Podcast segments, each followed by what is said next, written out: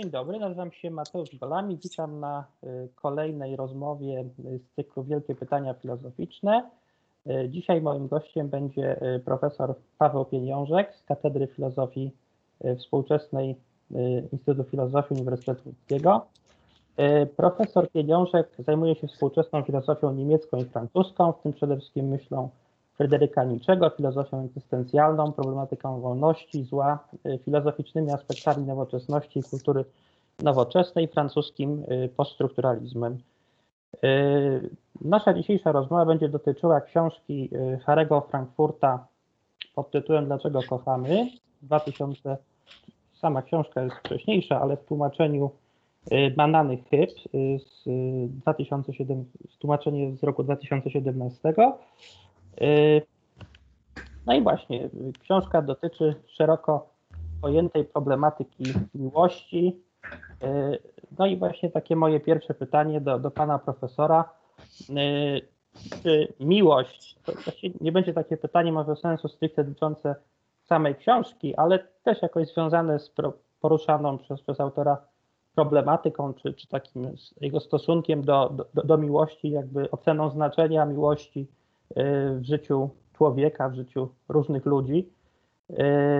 No i właśnie, czy miłość to jest i według autora, i według, według Pana najważniejsza, jedna z najważniejszych, czy może średnio umiarkowanie ważna składowa kształtująca u człowieka poczucie sensu życia, czy, czy jakby sens życia i miłość to są takie pojęcia, które są bardzo ważne jedno dla drugiego, czy czy jednak można sobie wyobrazić sensownie przeżyte życie bez jakby doznawania miłości. Dzień dobry. Dla Frankfurta sprawa jest jak gdyby jednoznaczna. On stawia i rozwija w swojej książce tezę, przekonanie, że właśnie miłość, czy też jedynie miłość, ale w trakcie rozmowy o tym pewnie powiemy, szeroko rozumiana, nie tylko jako relacja podszyta erotycznie pomiędzy partnerami. Miłość jest rzeczywiście najwyższą formą wypełniania sensu, tak? czy zabezpiecz zabezpieczania, czy zapewniania sensu życia. Tak? Tylko i wyłącznie miłość, tak właśnie szeroko rozumiana, jest tym horyzontem, w którym człowiek wypełnia swoje pragnienie egzystencjalne, psychiczne, pragnienie sensu. Więc oddziela miłość szeroko rozumianą, tak, jako konfigurację woli, od innych porządków normatywnych, praktycznych, tak, na przykład od moralności, ze względu na samą naturę, czy też materię i miłości, i moralności oraz ze względu na sposób uzasadnienia i miłości, jeśli w ogóle można mówić o uzasadnieniu w przypadku miłości i uzasadnienia moralności, czy też innych form, no właśnie, praktycznej normatywności. Więc miłość dla niego jest neutralna wobec moralności. Raczej nie stawia nie sytuuje miłości w kategoriach antagonistycznych. Raczej powiada, że miłość jest, czy też troska związana z miłością jest właśnie neutralna. Jej celem jest właśnie nie czynienie życia lepszym, lecz dostarczenie człowiekowi sensu, tak? wypełnienie ludzkiej egzystencji sensem. Ja myślę w tym kontekście, jeśli można powiedzieć, że jak zobaczymy, autor odpowiednio profiluje tą miłość, żeby w jakiejś mierze przeciwstawić się chyba dwóm formom miłości. Ja już mówię w tej chwili o wąsko rozumianej miłości, miłości dojrzałej, podszytej erotyzmem, partnerskiej, więc na pewno w kontekście współczesności, aczkolwiek tego kontekstu w ogóle nie podnosi. To się traktuje w kategoriach dość uniwersalnej kondycji człowieka, ale w kontekście współczesności można powiedzieć, że cała jego koncepcja jest wymierzona z jednej strony przeciwko dzisiaj powszechnej miłości dość lekkiej, e, miłości bez zobowiązań, miłości takiej konsum, e, nazwijmy to konsumerskiej, prawda? A z drugiej strony przeciwko miłości tragicznej, z jej wewnętrznymi konfliktami, przeciwieństwami, ekstatycznej, transgresywnej. Więc to są chyba dwa bieguny, które chcę w definicji, w określeniu właśnie miłości, jak gdyby wyłączyć, po to, żeby stworzyć dogodne pole czy płaszczyznę dla rozwijania tezy, że tylko miłość jest, sposób, jest zdolna w sposób integralny, jak gdyby e, zapewnić człowiekowi sens życia. Mhm, mhm. E, no właśnie, pomimo tego, że, że autor jakby nie, nie porusza e, problematyki stricte związku miłości i moralności, ale może Wie pan, może na chwilę przerwijmy, bo jest jakiś pogłos, albo jakby mógł pan y, y, wyciszyć siebie, jak, jak ja mówię, i odwrotnie, ja wyciszę, jak pan będzie. Aha, dobrze, czyli y, teraz... Wy... O tak. Mhm. Właśnie po, pomimo tego, że, że autor jakby nie, nie porusza tematyki związ, związków miłości z moralnością, to, to może się chwilkę nad tym zastanówmy, bo właśnie yy, no jakby z punktu widzenia autora i też tak często się o miłości chyba myśli, czy, czy mówi, też tak yy, no, przynajmniej sztuka przedstawia miłość jako takie uczucie, które właśnie ma, ma taki charakter często transgres, transgresyjny, prawda, że, że jakby te, te reguły moralne, reguły etyczne niespecjalnie miłość obowiązują, czy miłości dotyczą, ale też ta, ta wrażliwość etyczna jakoś Frankfurtowi nie jest obca, chociaż tutaj może rzeczywiście ona jakoś tak nie, nie wybrzmiewa, y, ale właśnie w kontekście tych, tych związków, powiedzmy, miłości z moralnością, czy, czy sądzi Pan, że y, bycie moralnym człowiekiem y, jest istotne w, miłości, prawda? Czy to jest taka kategoria, która,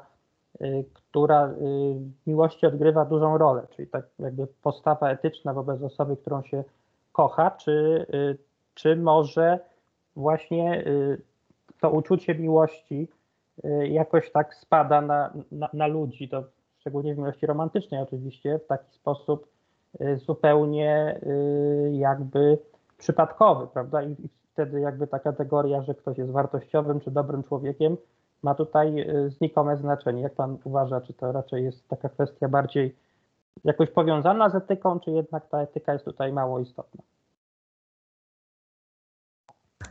To jest bardzo ciekawa kwestia. Dziękuję za zwrócenie na nią, bo Frankfurt e, rozgranicza tylko właśnie te porządki e, normatywnej praktyczności, właśnie e, miłość, konfigurację woli, troskę od moralności, ale nie tematyzuje tej kwestii. Tak? Gdzieś trzeba ją ewentualnie wyłowić z jego książki i w jakiejś mierze to możemy zrobić za niego częściowo i rozwinąć tą właśnie bardzo ciekawą kwestię.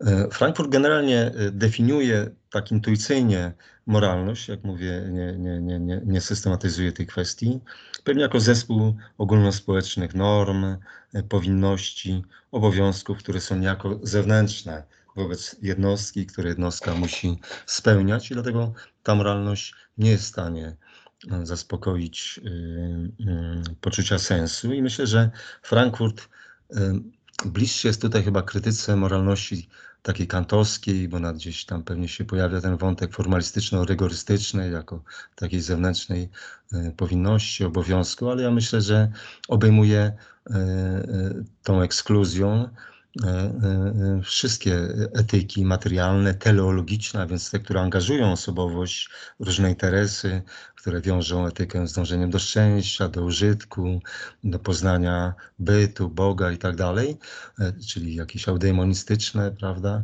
czy utylitarystyczne etyki, również się wyklucza, bo na pewno one nie są w stanie ugruntować do końca do tak wiążących intymnie ludzi E, ideałów i wartości, nie są w stanie ugruntować moralności. Moralność, możemy powiedzieć, już trochę wykraczając poza e, Frankfurta, to znaczy miłość z pewnością wykracza poza moralność, nie tylko jest wobec niej neutralna, ale jeszcze rozwijając argument Frankfurta, wedle niego moralność nie odpowiada, prawda, jakie cele i dlaczego mamy je przyjąć, tak? Dlaczego one w ogóle dla nas są ważne, dlaczego e, na czymś nam zależy, bo tak będzie definiował te inne porządki normatywne i właśnie e, miłość, tak? E, moralność nie odpowiada na takie kwestie z jednej strony, a z drugiej nie może nam nakazać miłości. Przecież moralność jest ogólna, bezosobowa, tak? Mniej lub bardziej racjonalnie ugruntowana, przedstawia jakieś nakazy bezsobowe, racjonalne, rygorystyczne i przede wszystkim intersubiektywnie ważne, czy powszechne, czy nawet wręcz uniwersalne, podczas gdy miłość jest jednostkowa, a więc moralność nie może określić, bo przede wszystkim nie może nam nakazać kochania konkretnego człowieka, może nam nakazać kochanie wszystkich ludzi, ale wówczas to mamy do czynienia raczej z altruizmem albo z, z miłością do człowieczeństwa utylitarystycznej na przykład, uzasadnioną, tak? E, ale to nie ma nic wspólnego z tą miłością, o której mówimy, więc moralność nam nie może w ogóle nakazać kochania e, indywidualnego, konkretnego człowieka i właśnie tego, a nie innego, tak? Więc... E, tak, może, może rzecz też e, polega trochę na tym, że by e, e, mógł Pan właśnie mikrofon wyciszyć, jak ja mówię, bo akurat jak ja mówię, to tutaj jakiś pogłos jest. Właśnie może to jest też, też ważne w tym kontekście, oczywiście nie tego, że, że można jakoś nakazami moralnymi zmusić kogoś do miłości, prawda, czy, czy jakby ta, ta moralność jakoś warunkuje miłość, ale być może jest tak, że po prostu taki rodzaj spełnienia, prawda, czy, czy szczęścia y, miłości jest związany jakoś y, z taką moralną czy etyczną postawą stron, obu stron, które są zaangażowane w taką relację, prawda, y, miłosną czy, czy uczuciową, bo, bo wydaje się, że, że jeżeli obie strony jakby względem siebie postępują tak no, z, z zasady niemoralnie, czy, czy nieetycznie, czy, czy jakby y, no, między nimi jest dużo takich sytuacji właśnie wątpliwych moralnie czy etycznie, to taki związek, prawda, taka relacja nie ma, y, no nie ma przyszłości, prawda? Wydaje się, że wtedy, wtedy trudno mówić o, o jakimś powodzeniu takiej relacji, niezależnie od tego, czy to jest miłość romantyczna, czy, czy miłość y, między rodzicami a dziećmi, prawda, to wydaje mi się, że, że może coś tutaj właśnie takiego tak można by jakoś powiązać moralność z miłością. Musi pan włączyć mikrofon. Dokładnie, tym bardziej, że Frankfurt jak gdyby próbuje zneutralizować czy, y, oba te porządki, moralność i miłość, ale bynajmniej nie zantagonizować. To jest na pewno jego y, widoczny kierunek jego myślenia, jego refleksji nad miłością.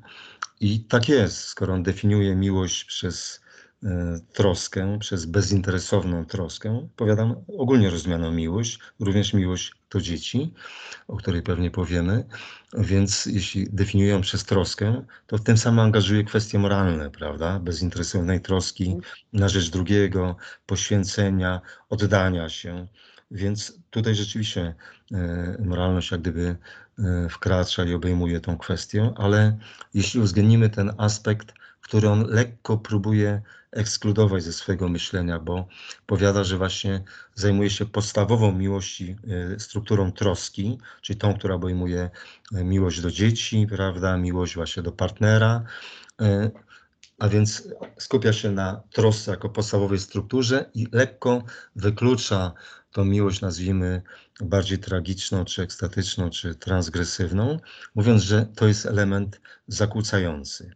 Więc można powiedzieć, że jednak w miłości, e, skoro, e, skoro próbujemy jednak wskazać jakieś cechy mocniej zarysowane, dystynktywne pomiędzy miłością a moralnością, to są w miłości nie tylko elementy y, neutralne wobec moralności, ale mogą być również nazwijmy to w skrócie, amoralny czy niemoralny. Tak? W miłości istnieje coś takiego jak, nazwijmy to, ja wiem, w skrócie, intuicyjnie intymna, osobista niemoralność, która sprawia, że małżonkowie, znaczy nie małżonkowie, czy partnerzy, tak? Partnerzy e, określają reguły tej wewnętrznej moralności, tak? Ale to już jest zupełnie inna moralność, tak? Jej reguły, jej kod jest zupełnie inny. W tym jest, jak mówiąc Bodlerem, tak?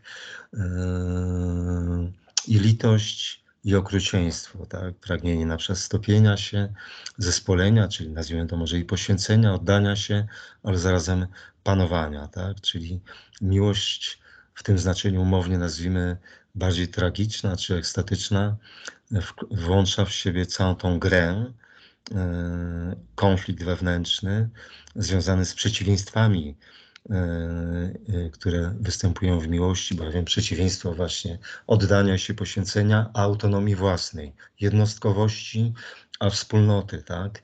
Mm, chociażby to przeciwieństwo, tak? I wierność, zaufanie i nieufność, czy, czy podejrzliwość i tak dalej, i tak dalej. Więc e, istnieje właśnie w miłości gra, e, czy konflikt wynikający z prób połączenia lub zantagonizowania tychże przeciwieństw i on wyzwala w miłości zachowania e, ogólnospołecznie uznane za niemoralne, czyli takie, których nie chcielibyśmy na przykład objawiać albo stosować do innego typu zachowań, tak?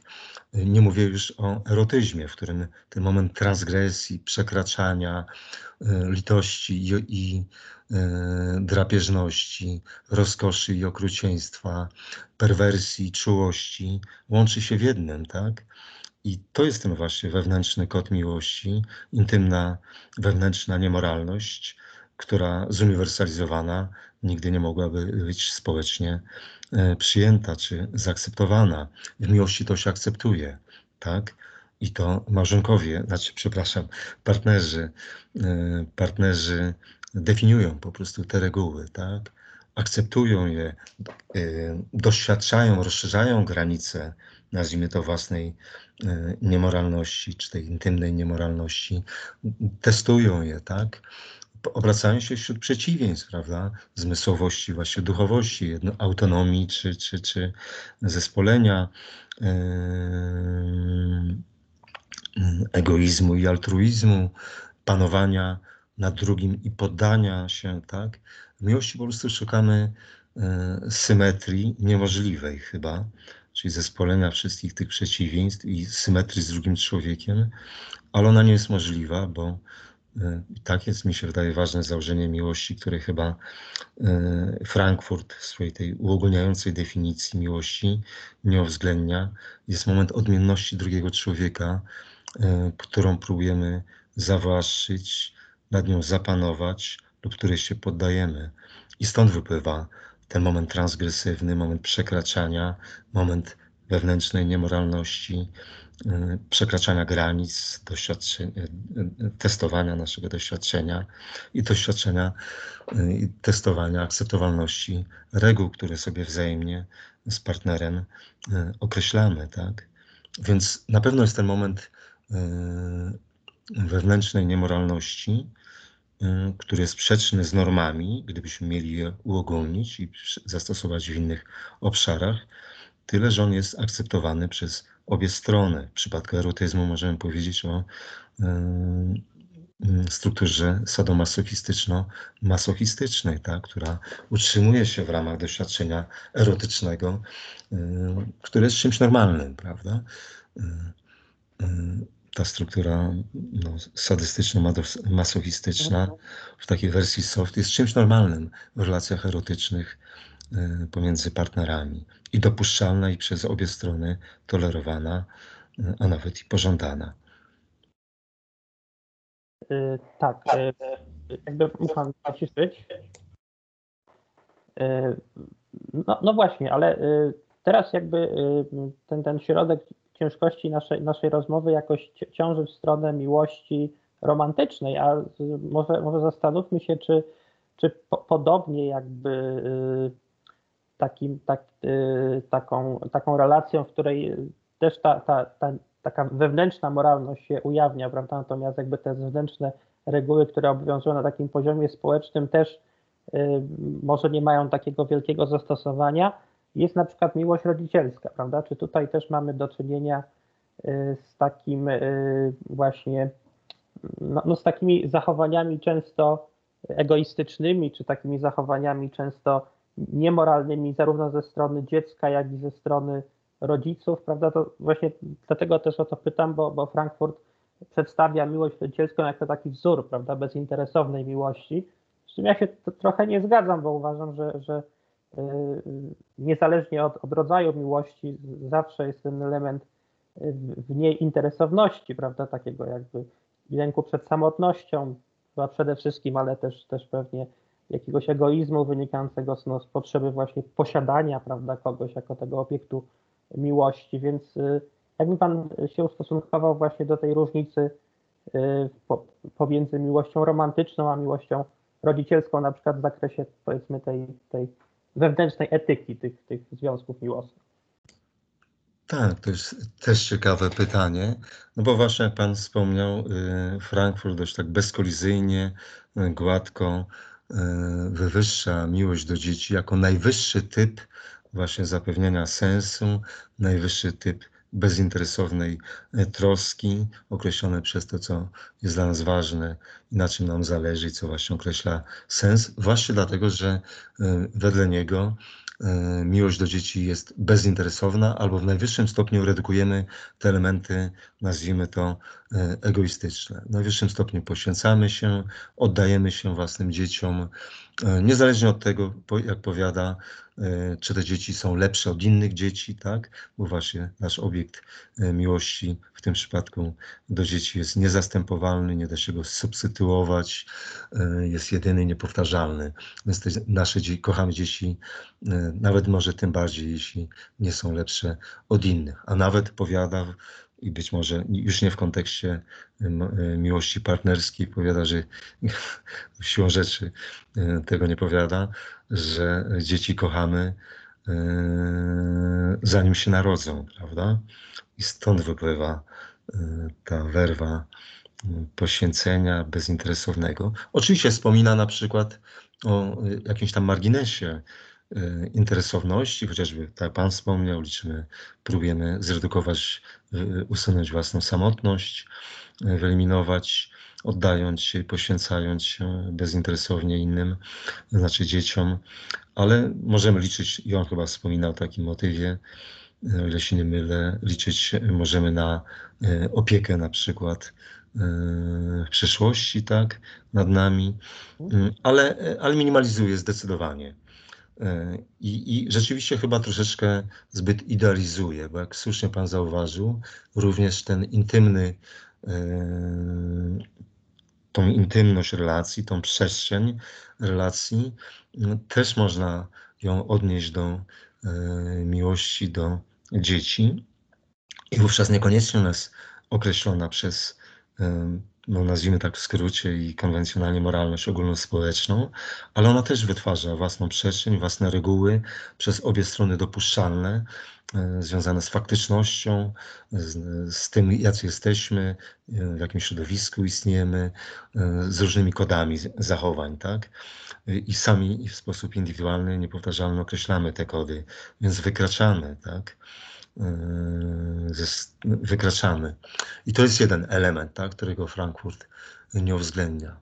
Po drugie, no chyba trzeba zauważyć, że mm, no właśnie, w przeciwieństwie do miłości y, partnerskiej, miłość do dzieci jest w jakiejś mierze nie jest symetryczna. Nie dążymy w niej do symetrii, tak? Ona jest asymetryczna, bo to my jesteśmy starsi, my jesteśmy doświadczeni, e, wychodzimy do autorytetu rodziców, mamy przewagę wszelkiej natury tak, nad dziećmi e, i te dzieci wychowujemy.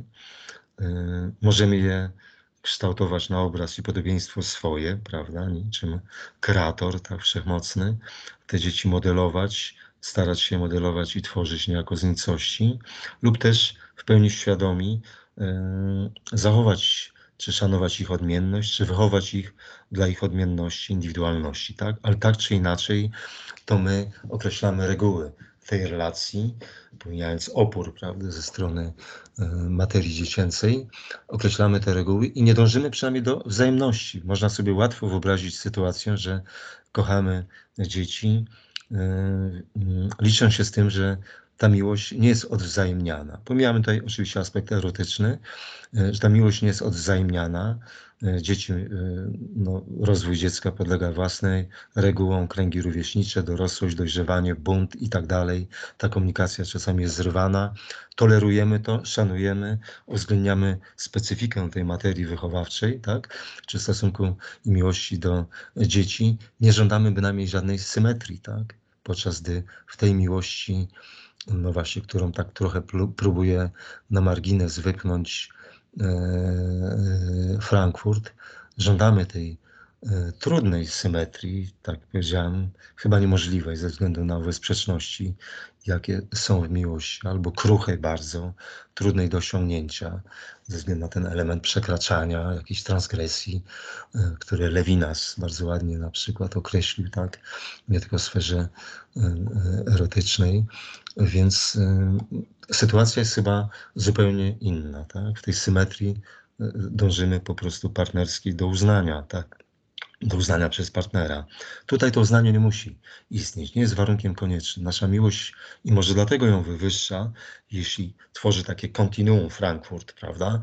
Kontinuum troski, wywyższa ją nad wszelkie inne miłości, no ona właśnie jest taką czystą y, troską, tak?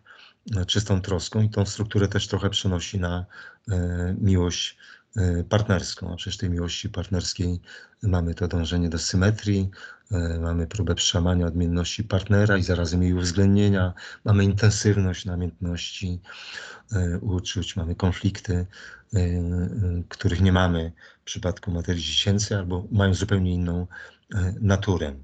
Także to jest chyba lekko zaniedbany moment u Frankfurta, ale to jest cena, jaką on płaci właśnie za próbę stworzenia takiego kontinuum e, e, miłości szeroko rozumianej, wewnątrz miłości szeroko rozumianej, e, której kryterium jest stopień bezinteresowności oddania się i poddania, prawda?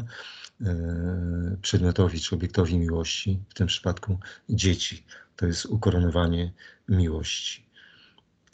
Mhm. Mhm, tak, tak.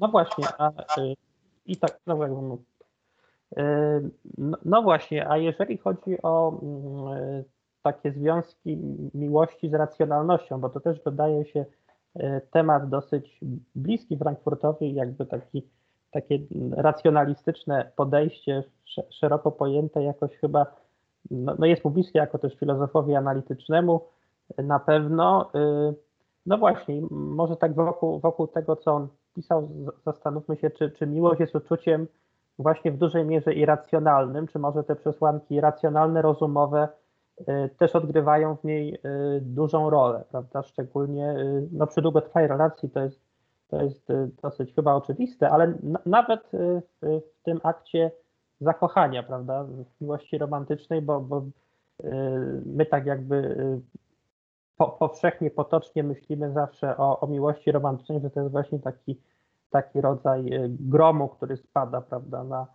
e, na ludzi, zakochują się w sobie, czy, czy jedna osoba w drugiej, czasami to też jest bez wzajemności, ale, ale jeżeli jest wzajemność, to, to oczywiście e, obie strony.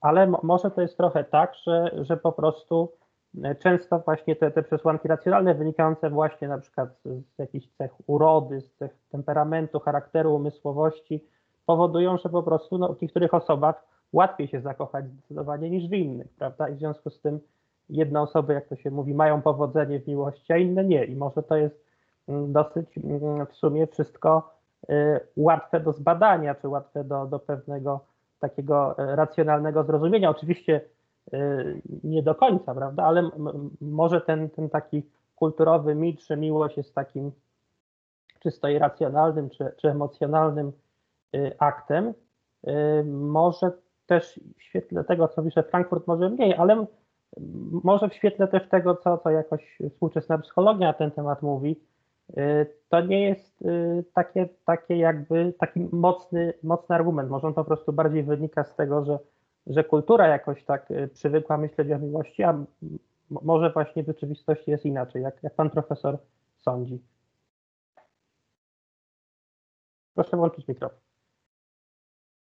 Myślę, że kwestia jest e, równie złożona jak właśnie sama miłość i on ma wiele aspektów, wiele uwarunkowań e, biologicznych, psychologicznych, socjologicznych, kulturowo, kulturowo-antropologicznych, więc trudno jednoznacznie rzeczywiście odpowiedzieć na to pytanie. Sam Frankfurt słusznie zauważa, że prawdziwa miłość, tak jak ją, ją definiuje, tak, jako tą konfigurację woli, e, która organizuje całą osobowość, integruje ją, wyznacza cele, tak, e, określa jej bezwarunkowy e, charakter, tak, czyli podkreśla Frankfurt tutaj wewnętrzną konieczność tej miłości. Jeśli tak zdefiniujemy miłość jako troskę, niezależnie właśnie co jest jej w tym momencie obiektem, dziecko czy partner, e, to rzeczywiście, e, jeśli podkreślimy ten moment bezwarunkowości, konieczności, musimy powiedzieć, że miłość jest w jakiejś mierze czymś irracjonalnym, ślepym, jest czymś, czego nie wybieramy. Mhm. Bezwarunkowość jest drugą stroną e, niemożliwości wyboru, tego, że w tą miłość zostajemy niejako wrzuceni. Ona jest tą sferą faktyczności, w której się nagle odnajdujemy z potężnym uczuciem, tak, które, e, która wyzwala w nas e, to wielkie uczucie. Więc tak Frankfurt definiuje, ale on w pewnym momencie jego rozważań też się pojawiają e, momenty, które wskazują na udział racjonalności, racjonalności wyborów. Wówczas, gdy powiada, że mm, no, miłość może być ślepa, tak? Właśnie jest ślepa. może się y, dla nas źle skończyć, że musimy uwzględnić ten element rozwagi, powiada chyba bodajże o wstrzemięźliwości, jeszcze jakieś określenia, którego nie pamiętam, y, odwołał się o wstrzemięźliwości, jakiejś ostrożności. No właśnie, żeby, żebyśmy w tej miłości nie zaprzeczyli własnej miłości własnej, tak? Bo miłość własna, pewnie o niej powiemy, jest właśnie też miłością bezwarunkową, w której troszczymy się o siebie jako najlepszego, o to, co w nas najlepszego, czyli o miłość, o, mi o kochanie miłości. Jeśli tak, no to nie możemy przecież się rozczarować, stracić, E, więc tu istnieje ścisła korelacja pomiędzy e, miłością siebie i, i, i, akceptacją bezwarunkową siebie, a miłością innych. Stąd ten element u niego racjonalności. Myślę, że on też wprowadza jeszcze raz e, element racjonalności, gdy mówi o tym, gdy nie jesteśmy pewni, gdy uwzględniamy, w jakimś kontekście to powiada, gdy uwzględniamy na przykład prestiż, E, naszego obiektu, kierujemy się prestiżem, reputacją naszą środowisku, tak?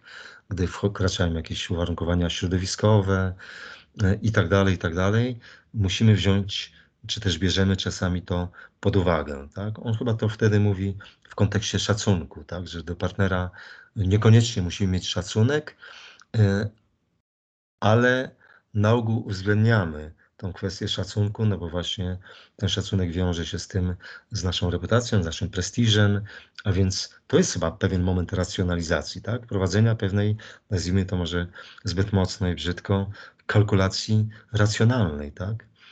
No, no i oczywiście... to jest też y, tak trochę, tak ciszy, y, może to jest też tak trochę, że, y, że właśnie są po prostu różne rodzaje miłości, prawda? Jest taka miłość romantyczna, bardzo, bardzo namiętna, właśnie y, tak zwana wielka miłość, jak, jak to się mówi, y, gdzie właśnie te, te, ten jakby irracjonalizm, czy taki właśnie taki właśnie taka porywczość tej miłości, prawda, ona jest bardzo silnie zaznaczona i wtedy rzeczywiście często ona się jakoś wymyka racjonalności, czy, czy sami, sami kochankowie, czy, czy ludzie, którzy są zakochani w sobie, twierdzą, prawda, że, że robią nawet coś szalonego, prawda, że, że nie panują nad tym.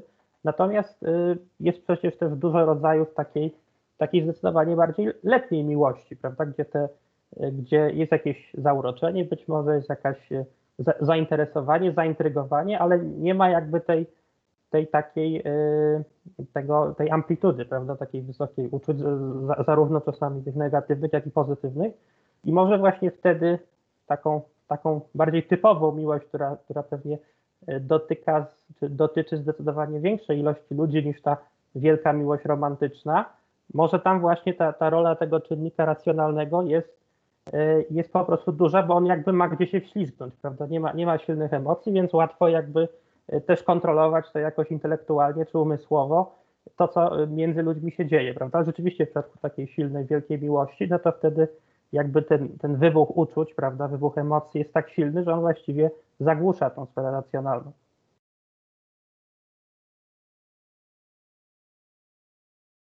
Musi pan włączyć mikrofon.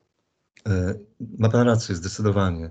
Raz jeszcze przypomnę, że Frankfurt właśnie definiuje tę miłość przez no właśnie brak wyboru, ale podkreślmy z drugiej strony, ona jak gdyby się trochę zabezpiecza i uwzględnia ten moment, czy też otwiera tą przestrzeń dla racjonalizacji miłości, gdy powiada o stopniowalności miłości. Więc jak najbardziej przy niższych stopniach bezinteresowną, przepraszam, przy niższych stopniach miłości, a więc przy niższym poziomie, nazwijmy to bezwarunkowości, e, bezinteresowności, oddania się i poświęcenia, jak najbardziej wtedy wchodzą wchodzi w grę chyba ten moment kalkulacji, racjonalności i racjonalizacji i, i racjonalizacji naszych wyborów.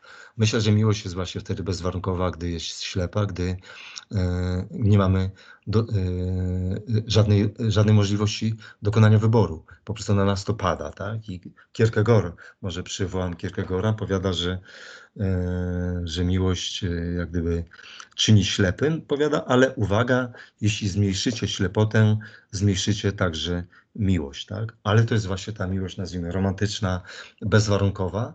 A co, co się dzieje w przypadkach, gdy na przykład ona nie jest bezwarunkowa, gdy ten wybór nie jest taki do końca ślepy, gdy zastanawiamy się, gdy wahamy się pomiędzy obiektami, obiektami e, naszych uczuć, gdy rozważamy, tak? I wtedy uwzględniamy różne aspekty, nie tylko już reputacji, prestiżu, ale właśnie urody, czy bardziej przyziemnych cech, tak, e, aż po te najniższe, materialne czasami, prawda, związane ze statusem materialnym, z, z generalnie cenzusowym, e, przepraszam, statusem materialnym, a nie tylko z cenzusowym.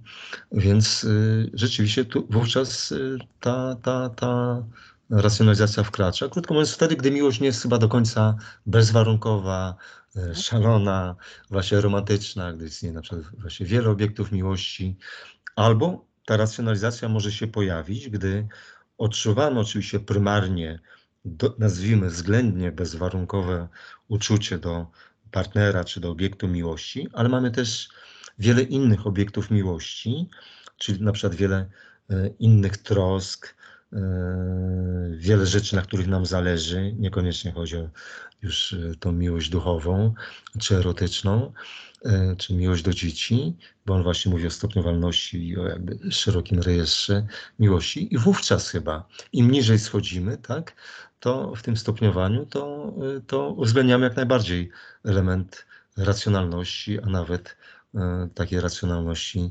zdroworozsądkowej, tak, codziennej.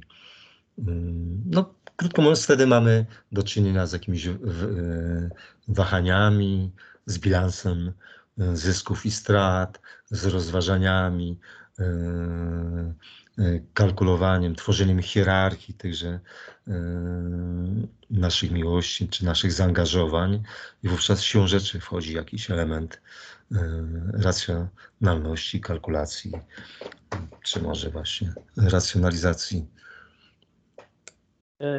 No właśnie, a też może, może w kontekście tego powiedzmy splotu racjonalności z racjonalnością e, miłości i tego, że rzeczywiście w różnych jakby relacjach różnie to bywa, e, różne są jakby proporcje tych, tych, tych, tych składowych, ale e, wydaje się, że, że jakby można się zgodzić co do tego, że, że miłości romantycznej oczywiście to, to, to że zakochujemy się w tej, a nie w innej osobie, czy, czy, czy ktoś się zakochuje w nas, a właśnie nie w kimś innym, to jest sprawa dosyć tajemnicza, prawda? To znaczy ciężko jakby rzeczywiście wyjaśnić, dlaczego tak się dzieje, prawda? I teraz no, tutaj akurat Frankfurt tego nie porusza, ale, ale myślę, że to też dosyć ciekawy pewnie i dla naszych słuchaczy problem. Czy, czy uważa Pan, że, że jakby można mówić tutaj o jakiejś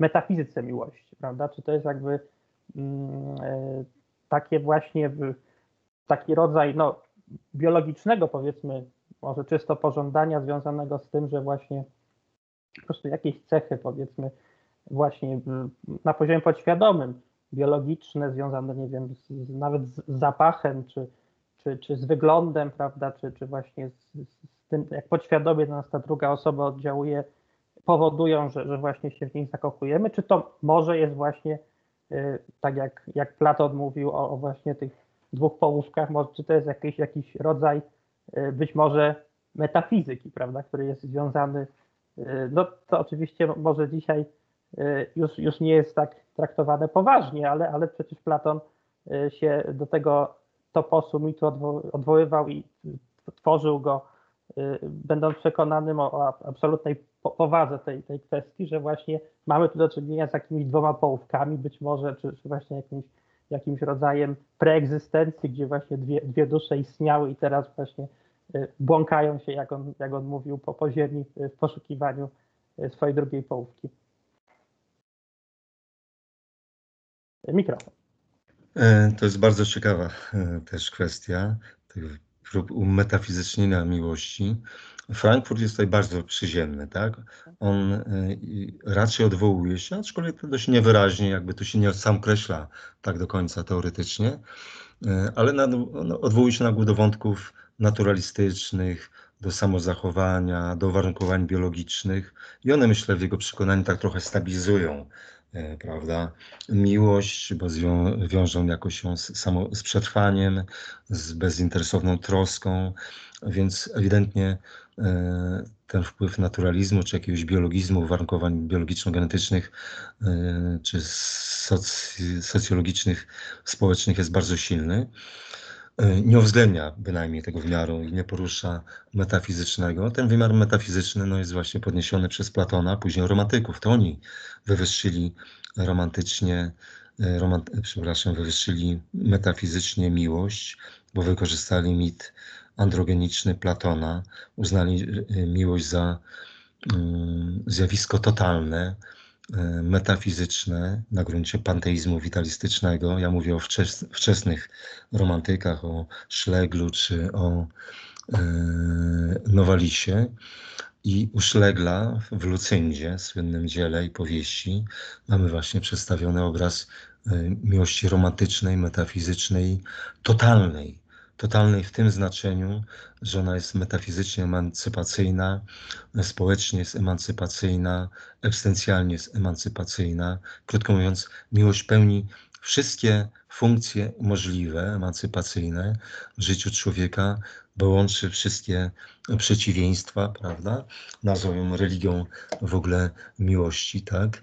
Yy, łączy wszystkie przeciwieństwa, jakie są możliwe, tak? Czyli yy, zmysłowość, yy, duchowość, duchową rozkosz i zmysłową szczęśliwość. Łączy, co jeszcze, spełnioną chwilę i wieczne trwanie, bo to jest ten dylemat miłości, tak? Mamy spełnienie, mamy intensywność, ale przecież miłość ma być na całe życie i tej wysokiej temperatury, gorąca, namiętności, intensywności podtrzymać się nie da. I to jest kolejne przeciwieństwo i kolejny dylemat, tak? A więc yy, mamy tą piękną teraźniejszość yy, uszlegla, ale też ciche dążenie, jak gdzieś tam określa to, do Mm, nieskończoności. Mamy ekskluzywność miłości, e, intymność, ale zarazem właśnie jakiś zmysł dla świata, otwarcie na świat, na sferę społeczną, bo miłość czyni doskonalszym nie tylko e, kochanków, ale również jak gdyby promieniuje na cały świat społeczny, pełni w sensie społecznym, kulturowym również funkcję emancypacyjną. Ma być namiętnością i przyjaźnią, tak? zmysłowością i przyjaźnią, afirmacją siebie i właśnie próbą rozpuszczenia siebie właśnie w tym duchowym zespoleniu, w tej androgenicznej postaci, w tej jedności, tak? Więc na tym polegałaby ta, y, ten mit androgenicznej jedności, połączenia duchów, prawda, jak mówią y, Schlegel, czy generalnie romantycy, tak? Ale jak wiemy, ta miłość romantyczna y, poniosła klęskę. Oni sami szybko sobie uświadomili, że połączenie tych przeciwieństw, ta heroizacja, uwznieślenie i takie metafizyczne, wręcz mistyczne uwznieślenie y, miłości, które, y, która była miłością totalną, łączącą wszystkie te przeciwieństwa, nie jest możliwe. Stąd ucieczka w wiarę w niebo, tak, w połączenie w pozaświatach, jak u Nowalisa, y, w Henryku von Ofterdingen, kochanków, spotkania się, tak, kochanków, lub śmierć, tak? Śmierć, która jest drogą czy bramą właśnie do owego spotkania. Więc zdali sobie sprawę, że miłość, żeby to tak określić, um, kontyngentny absolut w skończoności ludzkiego istnienia, no właśnie w tej skończoności ludzkiego istnienia, ten kontyngentny absolut e, nie jest możliwy do zrealizowania środkami ludzkiej skończoności, tak? Więc ucieczka, z jednej strony mamy tą ucieczkę w pozaświaty, w mistyczne połączenie się poprzez śmierć, a z drugiej strony mamy już przygotowaną przez późnych romantyków, przez mroczny, czarny romantyzm, pokazujący destrukcyjną rolę zaborczej miłości zmysłowej, instrumentalizującej drugiego, e, odduchowiającej. Mamy właśnie dekadencką e, koncepcję miłości, Bodlera, do którego na pewno też e, poza tradycją mistyczną nawiązywał e, Bataille, czyli tą koncepcję miłości transgresywnej. Tak? Celem jest nieosiągalna pełnia, jedność, która wyzwala w nas właśnie transgresję, przekraczanie, łamanie wszelkich zakazów przy ich uznawaniu, tą eksplozywność miłości w poszukiwaniu sakrum czy owej jedności, czyli za pomocą już nie jako romantyków, nazwijmy gwałtu zmysłowego, okrucieństwa, przemocy, tak? tej jedności, o której zresztą mówił Nowalic, tak? jedności okrucieństwa i e, miłości czy uczucia w miłości. Ten wątek później podniósł Yy, Bodler, który przecież powiadał, że w miłości dążymy do stopienia się, ale tylko po to, żeby uciec od siebie, od własnej samotności, od własnego monadycznego, samotnego ego, żeby roztopić się w drugim, ale, i tu mamy jakby antynomiczną strukturę miłości, stąd transgresja, ale chcemy zachować swoje ja po to, żeby zapanować nad obiektem miłości w tym okrucieństwie, e, panować nad nim swoją zaborczością, tak? Stąd mówi Baudelaire, że e, relacja miłosna przypomina mu torturę albo operację, krótko mówiąc, chirurgiczną, tak? czyli okrucieństwo chirurga, jakim jest osoba dominująca w tym związku, próbująca zdominować. Tak? Więc to są te dwa aporytyczne czy antynomiczne momenty w miłości, które wyzwalają tą strukturę transgresywną. Trzeba permanentnie wykraczać w poszukiwaniu owej totalnej jedności, niemożliwej e, w, w, no, na gruncie ludzkiej skończoności. Czy dodajmy beznadziejnej ludzkiej skończoności. Tak? E, tak, e, to znaczy też chętnie jeszcze bym może pociągnął ten temat, ale też, też jeszcze kolejne, kolejne wątki gonią, więc, więc może zmienimy troszeczkę, troszeczkę wątek i, i zapytam teraz o e, relację pomiędzy miłością a przyjaźnią i, koleżeństwem, prawda? Czy, yy, czy właśnie wszystkie przyjazne relacje międzyludzkie są jakby podszyte yy, miłością? Czy to jest coś, czy, czy właśnie to określenie miłość należałoby zarezerwować tylko dla szczególnie bliskich i zażyłych relacji, czy może właśnie to jest tylko może kwestia bardziej semantyczna, prawda, że my coś nazywamy miłością, jeżeli ma odpowiednią, jeżeli te emocje mają odpowiednią temperaturę, czy, czy właśnie y, odpowiednią moc, natomiast jeżeli, jeżeli mówimy o takich relacjach bardziej luźnych, to wtedy mówimy o koleżeństwie czy o przyjaźni, ale, ale właśnie y, zawsze mamy do czynienia z jakąś mniejszą bądź większą formą jednak miłości. Być może miłość to jest to pojęcie centralne, które, y, które jakoś warunkuje te, te pozytywne relacje międzyludzkie. Jak, jak pan sądzi? No tak, pan jak gdyby odwrócił porządek rozważań, w jakim na ogół się rozważa relacje miłość a przyjaźń, bo na ogół się powiada, wychodzi się od przyjaźni, Tak.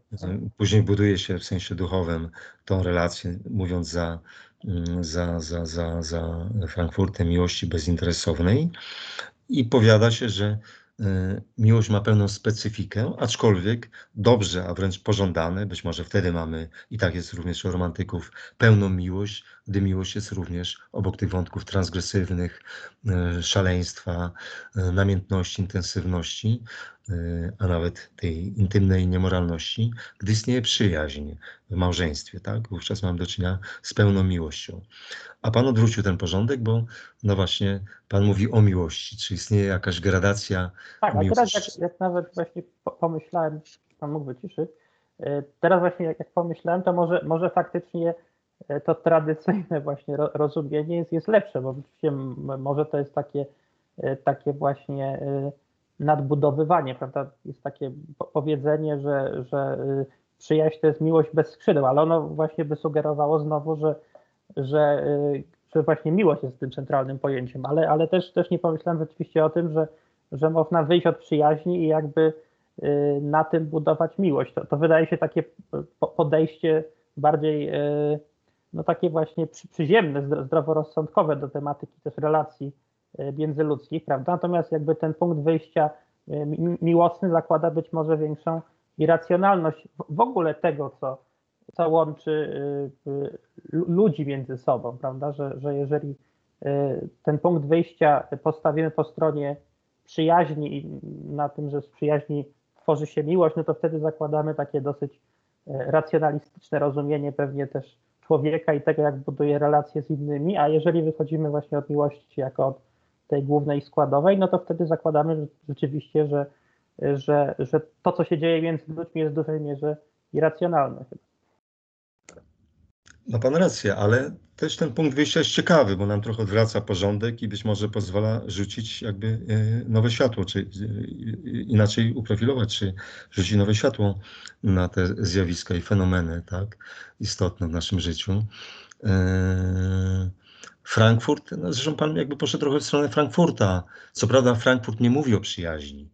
Nie wiem, czy ona się w ogóle pojawia, to słowo, e, nie pamiętam, ale mówi o stopniowalności miłości być i mówi o tej trosce bezinteresowności. Przecież przyjaźń jest definiowana przez też troskę o drugiego przyjaciela, o przyjacielskie relacje, więc być może jest jakąś formą szeroko rozumianej, Pan mówił właśnie o semantyce, prawda? E, Szeroko rozumianej miłości, tak jak ją zdefiniował e, i jej e, definicję określił poprzez troskę, bezinteresowność, poświęcenie, oddanie się właśnie Frankfurt, czyli dopowiadając Frankfurta, można byłoby prawdopodobnie e, dołączyć przyjaźń jako pewnie niższą formę miłości, ale właśnie miłości, bo mamy w tejże miłości do przyjaciela, użyjmy tego określenia, czy do przyjaciół. Nigdy ich pewnie zbyt wielu nie może być.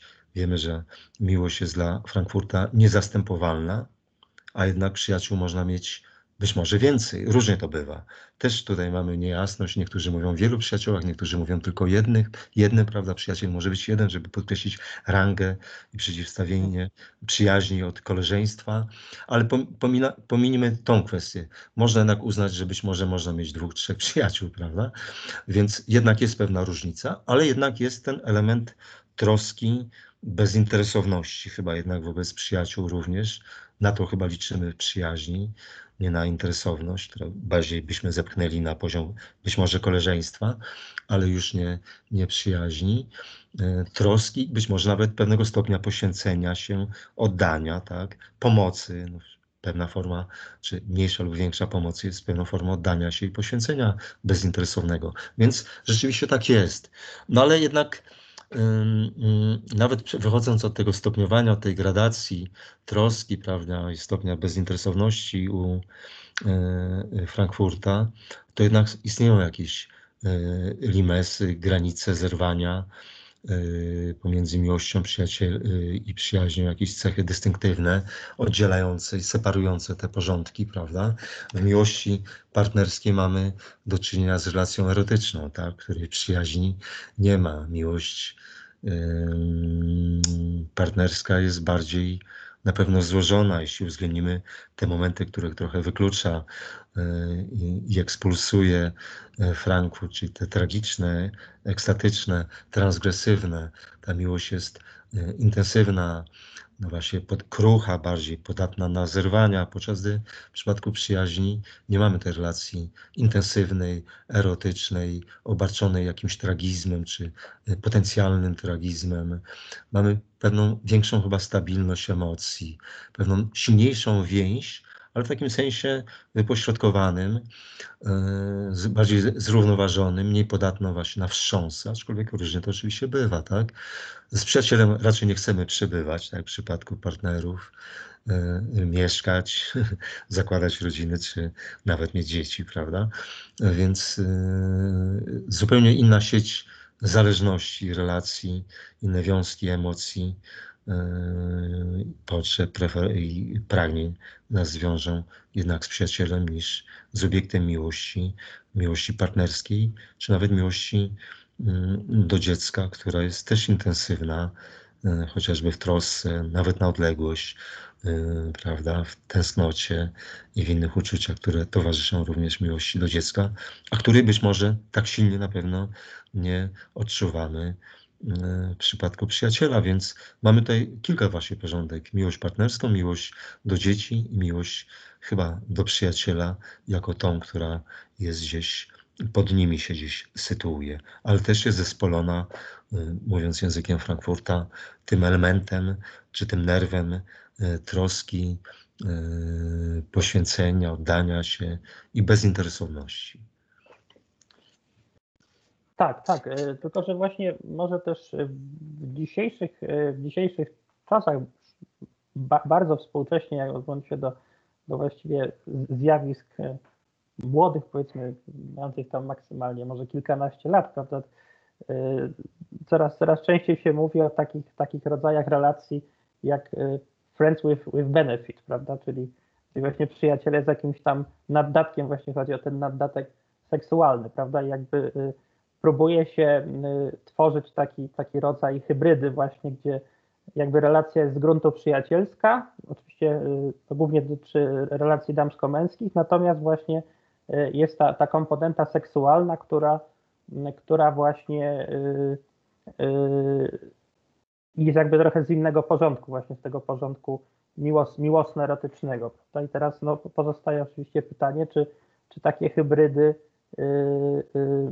jakby są, są w stanie długo trwać. Czy, czy to jest może jakieś rozwiązanie, takie, taka jakaś choroba współczesności, mówiąc tak, y, tak ostro, czy, czy to jest po prostu y, może jakiś nowy kierunek y, relacji damsko-męskich, w których właśnie jakby dystansujemy się od siebie, prawda, i, i jakby traktujemy się bardziej jako przyjaciół, natomiast właśnie takie, takie silne, silne emocje związane z miłością romantyczną są gdzieś y, spychane jako takie potencjalne niebezpieczeństwo, prawda? Ten, ten moment właśnie zakochania no, też przecież jest, y, jest, można powiedzieć, groźny w pewnym sensie, w tym sensie, że, że jest takim momentem nieprzewidywalnym, prawda? Takim momentem skoku pewnego, jeżeli można tak powiedzieć. Natomiast jeżeli utrzymujemy ten dystans, to, to wydaje się, że, że, y, że to wtedy zabezpiecza człowieka przed, przed też tymi negatywnymi konsekwencjami miłości. Co, co pan profesor sądzi o tym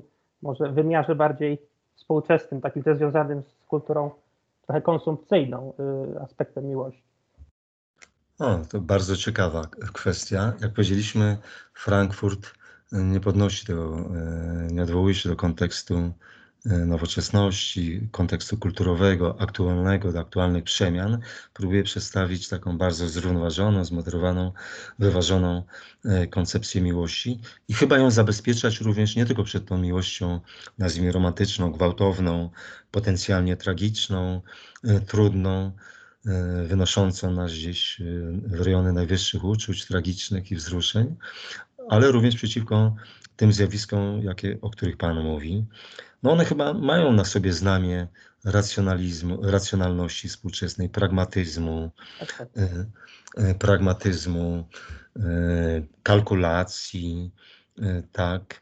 Mm, No i niezdolności, myślę, do, do właśnie do i strachu przed potężnymi emocjami, tak. Jesteśmy dzisiaj mocno wygładzeni, tak. I to wynika na pewno z tendencji pragmatycznych. Szukamy przede wszystkim bezpieczeństwa e, i miłości skalkulowanej, czyli bezpiecznej. Ym, Chcemy pozbyć się tego nadatku irracjonalnego, e, tragicznego, tak? Chcemy panować nad miłością, więc wyzbywamy się tych momentów tragicznych, intensywnych, emocjonalnych. Co jest związane chyba, no właśnie, z, y, właśnie łączymy miłość, jak Pan słusznie powiedział, tej hybrydyzacji z przyjaźnią. Chcemy miłość bardziej konsumować, tak? Czynić ją bezpieczną, przyjemną przede wszystkim, zabezpieczyć sobie tą przyjemność, tak? Stworzyć warunki dla i panować nad tymi warunkami dla osiągania przyjemności. To się na pewno wiąże z tymi tendencjami do seksualizacji erotyzmu, tak? Czyli pozbawienia erotyzmu tych pierwiastków sublimacyjnych, e, tragicznych, wzniosłych, intensywnych, no właśnie o tym już mówiliśmy, e, transgresywnych. I, i uczynić, sprowadzić w jakiejś mierze, nie do końca, bo ten stop, ta fuzja miłości czy splot, prawda, miłości i, i, i, i przyjaźni pokazuje, że tu nie chodzi tylko o seks, ale również o przyjaźń, ale to mimo wszystko jest konsekwencją właśnie seksualizacji erotyzmu i zatrzymania się w pewnym momencie, bo włączamy jeszcze zamiast tragicznych namiętności, czy intensywnych, transgresywnych, ekstatycznych, włączamy przyjaźń, która daje nam bezpieczeństwo, jakąś wymianę e, i poczucie bezpieczeństwa. To nosi coś w sobie z takiego rysu konsumerstwa, ale wówczas konsumowania życia, e, miłości, e, przyjaźni, ale wówczas wyzbywamy się tego, co w miłości jest ważne, właśnie e, asymetrii i dążenia do symetrii. Wyzbywamy się totalnej odmienności innego i do uporania się w miłości w różnych kształtach i strategiach panowania, poddania się, tak, stopienia się właśnie z odmiennością innego, tak, w tym niemożliwym pościgu za jednością niemożliwą. Więc ta miłość jak gdyby eliminuje właśnie odmienność innego, e, eliminuje wszystko to, co jest negatywne w miłości, tak? W tej miłości ekstatycznej, intensywnej, namiętnej, nawet a zwłaszcza e, tragicznej czy, czy transgresywnej, ona eliminuje negatywność, która jest tak ważna w naszym życiu, tak? Ona jest taka gładka, bezpieczna, właśnie konsumpcyjna. Konsumujemy w jakiejś mierze na wyższym poziomie relacje międzyludzkie, tak?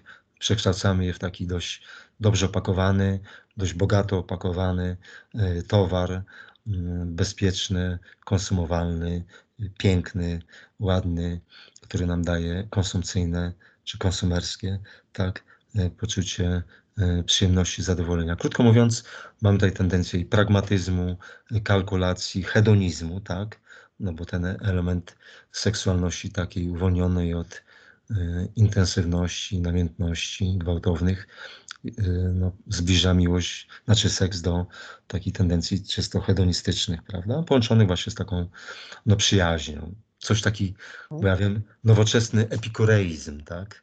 Łagodny, spokojny, y, niewywrotowy w żaden sposób. Tak, Nie Żyżek mówi, że to jest y, zachodni buddyzm właśnie w odniesieniu do, do, relacji, do relacji miłosnych współczesnych. Nie ma trochę racji, jeszcze może tylko tak od siebie y, dodam, że, że, że też y, może to, o czym, o czym Pan mówi, też wynika po części z tego, że i to tutaj jest y, też y, pewna taka przemiana pewnie y, w odniesieniu do sztuki, prawda, że, że dzisiaj jakby przedstawianie takiej miłości wi- wielkiej, romantycznej, bardzo w sztuce, w filmie czy w literaturze, no bar, bardzo łatwo jest posądzane, może też poniekąd słusznie, o, o pewną kiczowatość, prawda, czy taki rodzaj, rodzaj właśnie egzaltacji, prawda, natomiast jakby pokazanie takiej miłości, powiedzmy, inteligentnej właśnie, tak, tak to nazwijmy, takiej właśnie, która, która gdzieś się rozwija na, na drodze takiej, y, takiej właśnie y, bardziej wy, wymiany myśli z dużą ilością poczucia humoru też, prawda, bo ten element humoru w miłości, może o tym nie, nie wspominaliśmy, ale, ale on dzisiaj jest bardzo, bardzo intensywnie zaznaczany w kulturze, prawda, jakby wysyp tego gatunku komedii romantycznej, prawda, i wysyp ogromnej ilości filmów z tego, z tego nurtu, prawda, też najlepiej o tym świadczy, że, że dzisiaj jakby też dystansujemy się jakoś do, do miłości poprzez humor. Może to nawet nie jest złe, prawda, bo to też pokazuje, że, że, że może ten, ten humor jest, jest po prostu dla y, takiej chemii y, romantycznej bardzo istotny, prawda, ale, ale rzeczywiście y, jakby takie, takie wielkie porywy uczuć y, dzisiaj są jakoś kojarzone pewnym rodzajem kiczu być może i to też, też z tego wynika. Dokładnie, bo e, dzisiaj Pan mówi o tej miłości romantycznej, ale dzisiaj e, wyrwano ten jad tragiczny tej miłości, ją strywializowano, zamknięto formuła kiczu, czyli krótko mówiąc, to ma być zniosłe uczucia, ale gładkie, łatwe i przyjemne, prawda? Ma się kończyć e, happy endem albo rozstaniem, ale nie tragicznym. Y, z jakąś nutą czy dozą melancholii co najwyżej, tak? To my strywializowaliśmy tą miłość romantyczną, która jest miłością jednak rzeczywiście gwałtowną, y, jak gdyby no totalnie niepohamowaną, tak? Chcemy wyzbyć, krótko mówiąc, E, tej miłości romantycznej, nawet jeśli sobie na nią pozwalamy, i taki e, przekształcony kicz tragizmu, negatywności, nieobliczalności, czy e, jakby zupełnie irracjonalności. Więc myślę, że z tym się wiążą takie właśnie tendencje do tego, żeby no, ta miłość była przyjemniejsza, krótko mówiąc. Tak? On ma być przyjemna. Mhm. Idziemy w stronę takiego epikurejskiego hedonizmu, nawet z pewnymi ambicjami czy, czy, czy pretensjami do właśnie przyjaźni, do, do jakiejś tam sfery duchowej, ale to jest, miłość ma być przede wszystkim przyjemna, tak? E, bezpieczna, przyjemna, taka gładka, e, ulizana. Mm, ma nie zaburzać naszego poczucia bezpieczeństwa e, i porządku. Y, tak, y, to znaczy jeszcze, y, może jeszcze właściwie jedno pytanie na koniec, ale jeszcze króciutko do, do tego wątku, bo, bo też, też mnie jakby szczególnie zainteresował, bo może też właśnie w odniesieniu do tego, do, do, do tego współczesnego podejścia, podejścia do miłości, znaczy ja bym też może tutaj taką, taką uwagę, uwagę zwrócił na to, że, że znaczy takie dążenie do, do szczęścia w miłości, to myślę, że jest y, właściwie, y, właśnie właściwe wszystkim ludziom, którzy wchodzą w takie relacje, prawda, y, miłosne czy, czy romantyczne, więc jakby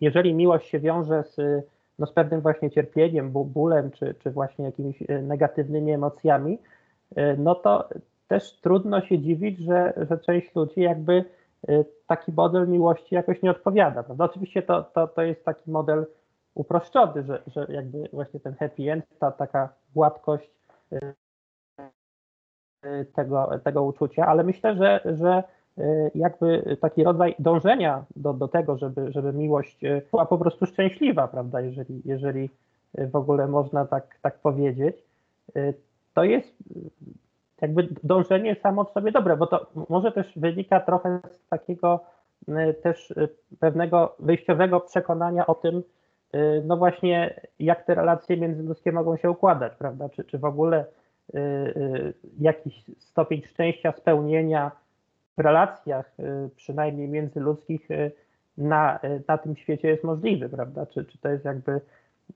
pewna taka konstytu, konstytua, konstytucyjnie związana z życiem niemożliwość, że to, to szczęście jest jakby y, nieosiągalne, czy być może y, zbliżenie się istotne do, do tego y, powiedzmy szczęścia w życiu, też szczęścia w miłości jest, jest, jakoś, jest jakoś realne, prawda? To może też, też tutaj ten punkt wyjścia jest ważny, jak my też widzimy świat, jak widzimy los człowieka, prawda, na, na świecie. Dokładnie, y, y, ale należy zauważyć, że no szczęście inaczej definiujemy, tak?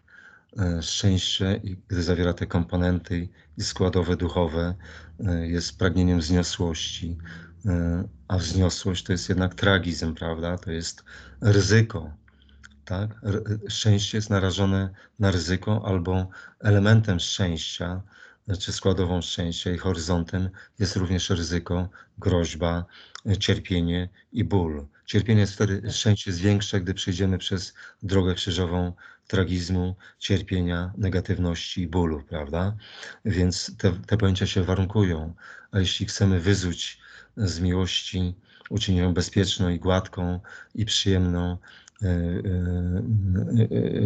tych elementów, to to szczęście będzie spłaszczone, takie gładkie, właśnie hedonistyczne, bezpieczne, bardziej konsumpcyjno-konsumerskie, a nie angażujące najwyższe rejestry naszej duchowości i naszych najwyższych przeżyć czy pragnień. Więc szczęście definiujemy różnie. Tak? Tutaj mamy ewidentnie z taką konsumpcyjną czy konsumerską redukcją, hedonistyczną redukcją szczęścia, tak? do czegoś, e, co jest, co jest w chwili, co jest tu i teraz, tak? Wąskim horyzoncie czasowym, co jest bezpieczne e, i wyzbyte negatywności e, i tego, co się wiąże z negatywnością istnienia. Tak? Mm, wtedy wtapiamy e, innych w siebie, znosimy tą obcość, odmienność, ryzyko, bo miłość jest ryzykiem, tak? Próbujemy dotrzeć do drugiego, przekroczyć granicę, możemy go zranić, ale możemy też się z nim e, pojednać w jakiejś wyższej strukturze właśnie miłosnej, czy duchowej, czy w zespoleniu erotyczno-duchowym.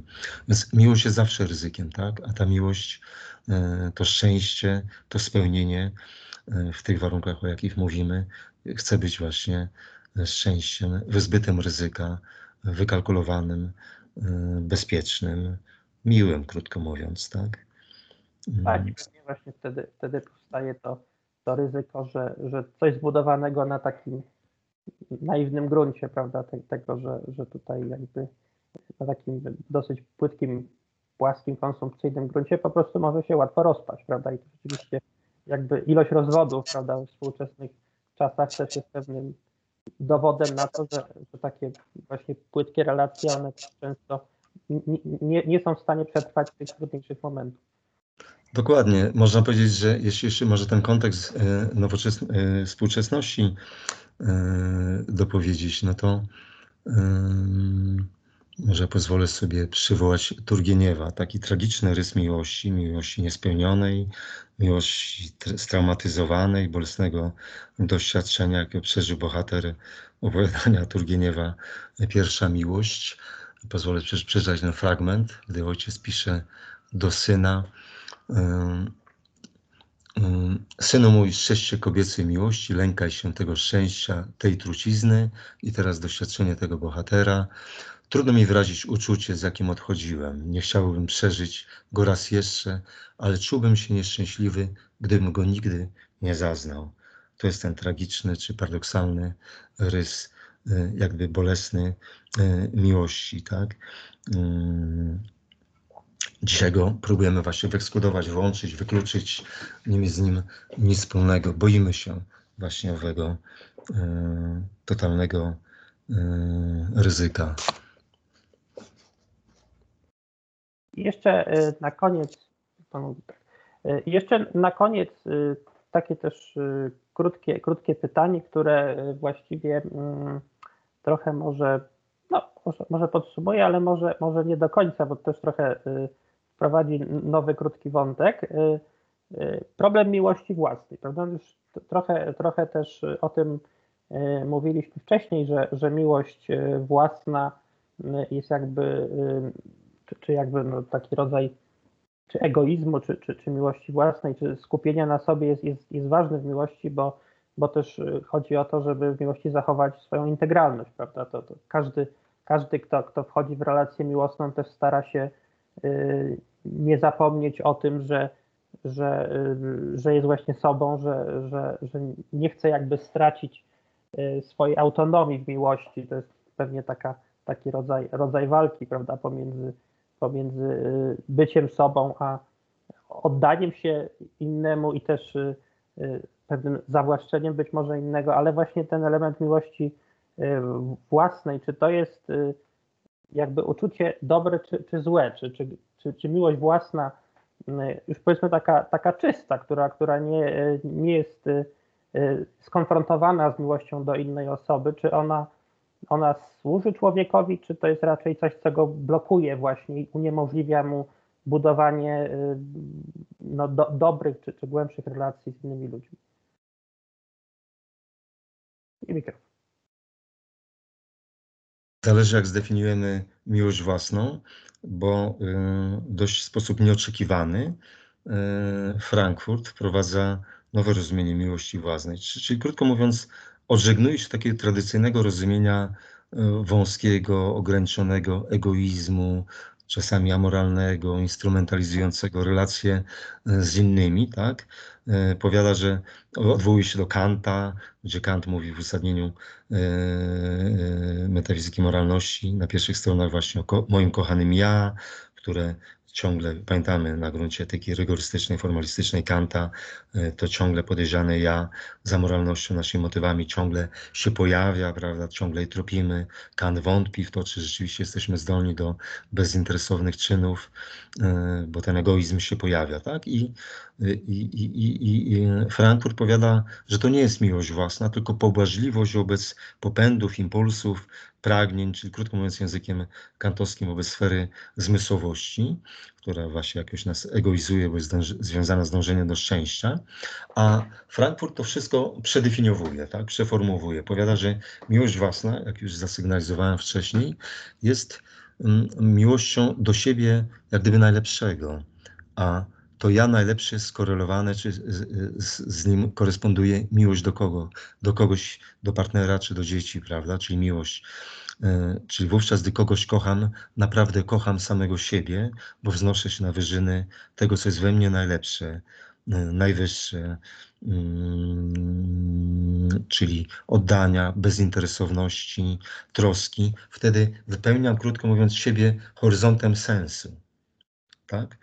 Czyli horyzontem sensu. To jest właśnie e, e, dla niego miłość własna. Miłość własna jest bezinteresowna, bo i celem jest e, miłość, znaczy ona jest związana z miłością do innych. Kocham, krótko mówiąc, miłość. Tak? Potrzebuję owej miłości, bo miłość pozwala mi osiągnąć poczucie sensu i to najwyższe, spotęgowane, maksymalne poczucie sensu, gdy osiągamy, jest właśnie miłością siebie, bo tylko takiego mogę bezinteresownie kochać, bo kocham siebie, gdy mam totalne poczucie sensu. A totalne poczucie sensu to integralne, tą konfigurację woli, tą cel, bezwarunkowość, e, zaangażowanie, identyfikację z własnymi uczuciami, w przeciwieństwie do uczuć, które możemy porzucić, z których rezygnować, są krótkotrwałe, prawda? Do tej e, struktury integralnej, hierarchiczno-integralnej naszych uczuć, jakie nam daje miłość i porządek sensu, prawda? To wówczas tak naprawdę to jest miłość własna. Czyli nierozerwalnie miłość własna jest związana z bezinteresownością wobec siebie, bo to jest porządek sensu e, i z bezinteresownością wobec innych. Te porządki korespondują. Nie ma, krótko mówiąc, miłości własnej w tym najgłębszym, e, autentycznym znaczeniu bez kochania e, innego, tak? czy to dziecka, czy partnera. Tak definiuje i tak przedefiniowuje, przedefiniowuje Y, przedefiniuje właśnie Frankfurt tą miłość własną, co też jest rzeczą ciekawą w kontekście współczesności, bo mimo wszystko tego pragniemy pewnie, ale właśnie trywializujemy to, prawda? Nie jesteśmy zdolni na gruncie tej kontrolowanej, hybrydalnej miłości, o której Pan mówił, oddać się do końca, poświęcić się i okazać w pełni E, owej bezinteresowności, czyli z drugiej strony osiągnąć poczucia sensu. Być może to jest w ogóle niemożliwe, bo do tej dyskusji jeszcze o nowoczesności można dodać moment, że być może dzisiaj e, taka miłość potężna, gwałtowna, tragiczna nie jest możliwa, bo po prostu mamy zbyt wiele możliwości, bo wszystkie bariery e, społeczne, jednostkowe są pomiędzy ludźmi usuwane, tak? Gdy tych barier nie ma, to łagodnieje stopień intensywności naszej miłości. Gdy musimy pokonać bariery, przeszkody, trud, to powstaje namiętność, tak? Miłość musi przezwyciężyć właśnie wszystkie granice i bariery, tak? Dzisiaj znosimy wszelkie bariery, tak? Co też być może wiąże się z egalitaryzacją relacji międzyludzkich, prawda, na różnych poziomach, właśnie z tą możliwością e, nie, e, szeroką, nieskończoną wyboru i brakiem barier e, i hierarchii społecznych, a więc wówczas te namiętności są słabe. Jeśli są słabe, to nie ma tego rysu oddania, poświęcenia się, a więc nie ma również, mówiąc językiem Frankfurta, prawdziwej miłości własnej. Nie jesteśmy, mówiąc paradoksalnie dzisiaj, w epoce wykalkulowanego, pragmatycznego egoizmu, tak? Nie jesteśmy zdolni do e, miłości własnej. Inaczej mówiąc, do osiągnięcia pełni e, sensu naszego istnienia. Te porządki się wzajemnie warunkują. Mhm. E, ale może też tutaj, jak pan wyciszyć, może tutaj też jest taki aspekt związany z tym, że, że ta miłość, miłość własna właśnie dzisiaj to na takim poziomie może mniej tego, co mówi Frankfurt, ale on też o tym trochę wspomina, że, że miłość e, własna być może to jest rodzaj po prostu takiej akceptacji, prawda? Czy, czy dzisiaj się mówi tak popularnie lubienia siebie, prawda? Czy, czy akceptacji siebie i właśnie takiego, e, takiego też spojrzenia na siebie jako na kogoś, kto, kto jest jakby dla, dla mnie samego wartościowy, czyli ja sam patrzę na siebie jako na osobę wartościową. Zresztą no, dzisiaj się dużo bardzo mówi w psychologii, w takim potocznym dyskursie społecznym, prawda, o tym, żeby akceptować y, ludzi takimi, jaki są, jakimi są i żeby oni sami siebie też, prawda, akceptowali ze wszystkimi swoimi y, niedoskonałościami, wadami, słabościami i tak. Y, I to może, y, może z jednej strony właśnie powoduje taki egoizm, prawda, bo, bo ludzie są skupieni e, na, znaczy jakby może lepiej się ze sobą czują, e, czy, czy bardziej siebie akceptują i w związku z tym też bardziej dążą do jakiegoś e, samospełnienia, prawda, samorealizacji. No, no dzisiejsza kultura wydaje się, że jest w dużej mierze oparta na, na samorealizacji jednostek, prawda, i to jest bardzo ważny aspekt kultury, przynajmniej współczesnego Zachodu. E, ale z drugiej strony właśnie to może jakoś blokować człowieka e, w otwieraniu się na, na innych, prawda? Ale, e, ale no, może to jest też taka cena, prawda? To znaczy, jeżeli my jakby wychodzimy z założenia, że, że, że sami dla siebie powinniśmy być w pewnym sensie najważniejsi, no to te relacje z innymi ludźmi schodzą na drugi plan, prawda? To znaczy one stają się takim znaczy czy, czymś, co może zaistnieć dopiero wtedy, kiedy y, ułożymy się jakby z samymi sobą. No właśnie, chciałbym zauważyć, że akceptacje siebie są różne i znów mamy ten poziom wyższy, duchowy, angażujący, najbardziej namiętne y, przeżycia, wzniosłe, a ten taki bardziej powierzchowny, płaski. Myślę, że moglibyśmy tak na użytek właśnie oddzielenia tych dwóch porządków czy typów akceptacji e, powiedzieć, że ta współczesna akceptacja jest właśnie trochę narcystyczna. My mhm. akceptujemy siebie we własnym obrazie, w tym, kim jesteśmy, szukamy potwierdzenia w świecie, ale nie akceptujemy siebie wobec innych, wobec prawdziwej inności, tak? gwałtownej odmienności innego, e, wobec barier, przeszkód, separacji, tak? E, która wyzwala właśnie tragizm, czy też e, obarczona jest ryzykiem tragizmu, konfliktów, sprzeczności w miłości, tak? Więc ta akceptacja jest bardzo taka, znów jak powiedzieliśmy, zrównoważona, narcystyczna, bezpieczna, czy dąży do bezpieczeństwa i do wykluczenia zagrożenia ze strony innego. Ze strony innego ma mieć tylko potwierdzenie, a nie walkę o uznanie czy potwierdzenie. Także to są zupełnie różne poziomy akceptacji. Myślę, że Frankfurt myśli o tym głębszym, aczkolwiek nie tragicznym, nazwijmy tak. Ten biegun jakoś eliminuje albo minimalizuje, ale akceptacji takiej głębszej związanej z totalną miłością do siebie, z totalnym oddaniem, z totalną bezinteresownością, na które w takiej koncepcji narcystycznej ja i akceptacji czy autoakceptacji nie ma. Tak? Prawdziwa akceptacja jest na gruncie wedle Frankfurta, na gruncie miłości pełnej. Wówczas w pełni siebie akceptujemy, prawda? w tym poczuciu sensu, jaki osiągnęliśmy i spełnieniu totalnym, tak? Wówczas siebie akceptujemy. Mamy refleksyjny dystans, a ten dystans jest refleksją autoakceptacji.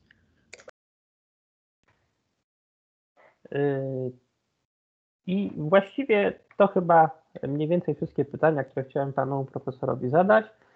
Dziękuję bardzo za rozmowę i yy, zapraszam na, na kolejną rozmowę z naszego cyklu. Dziękuję bardzo.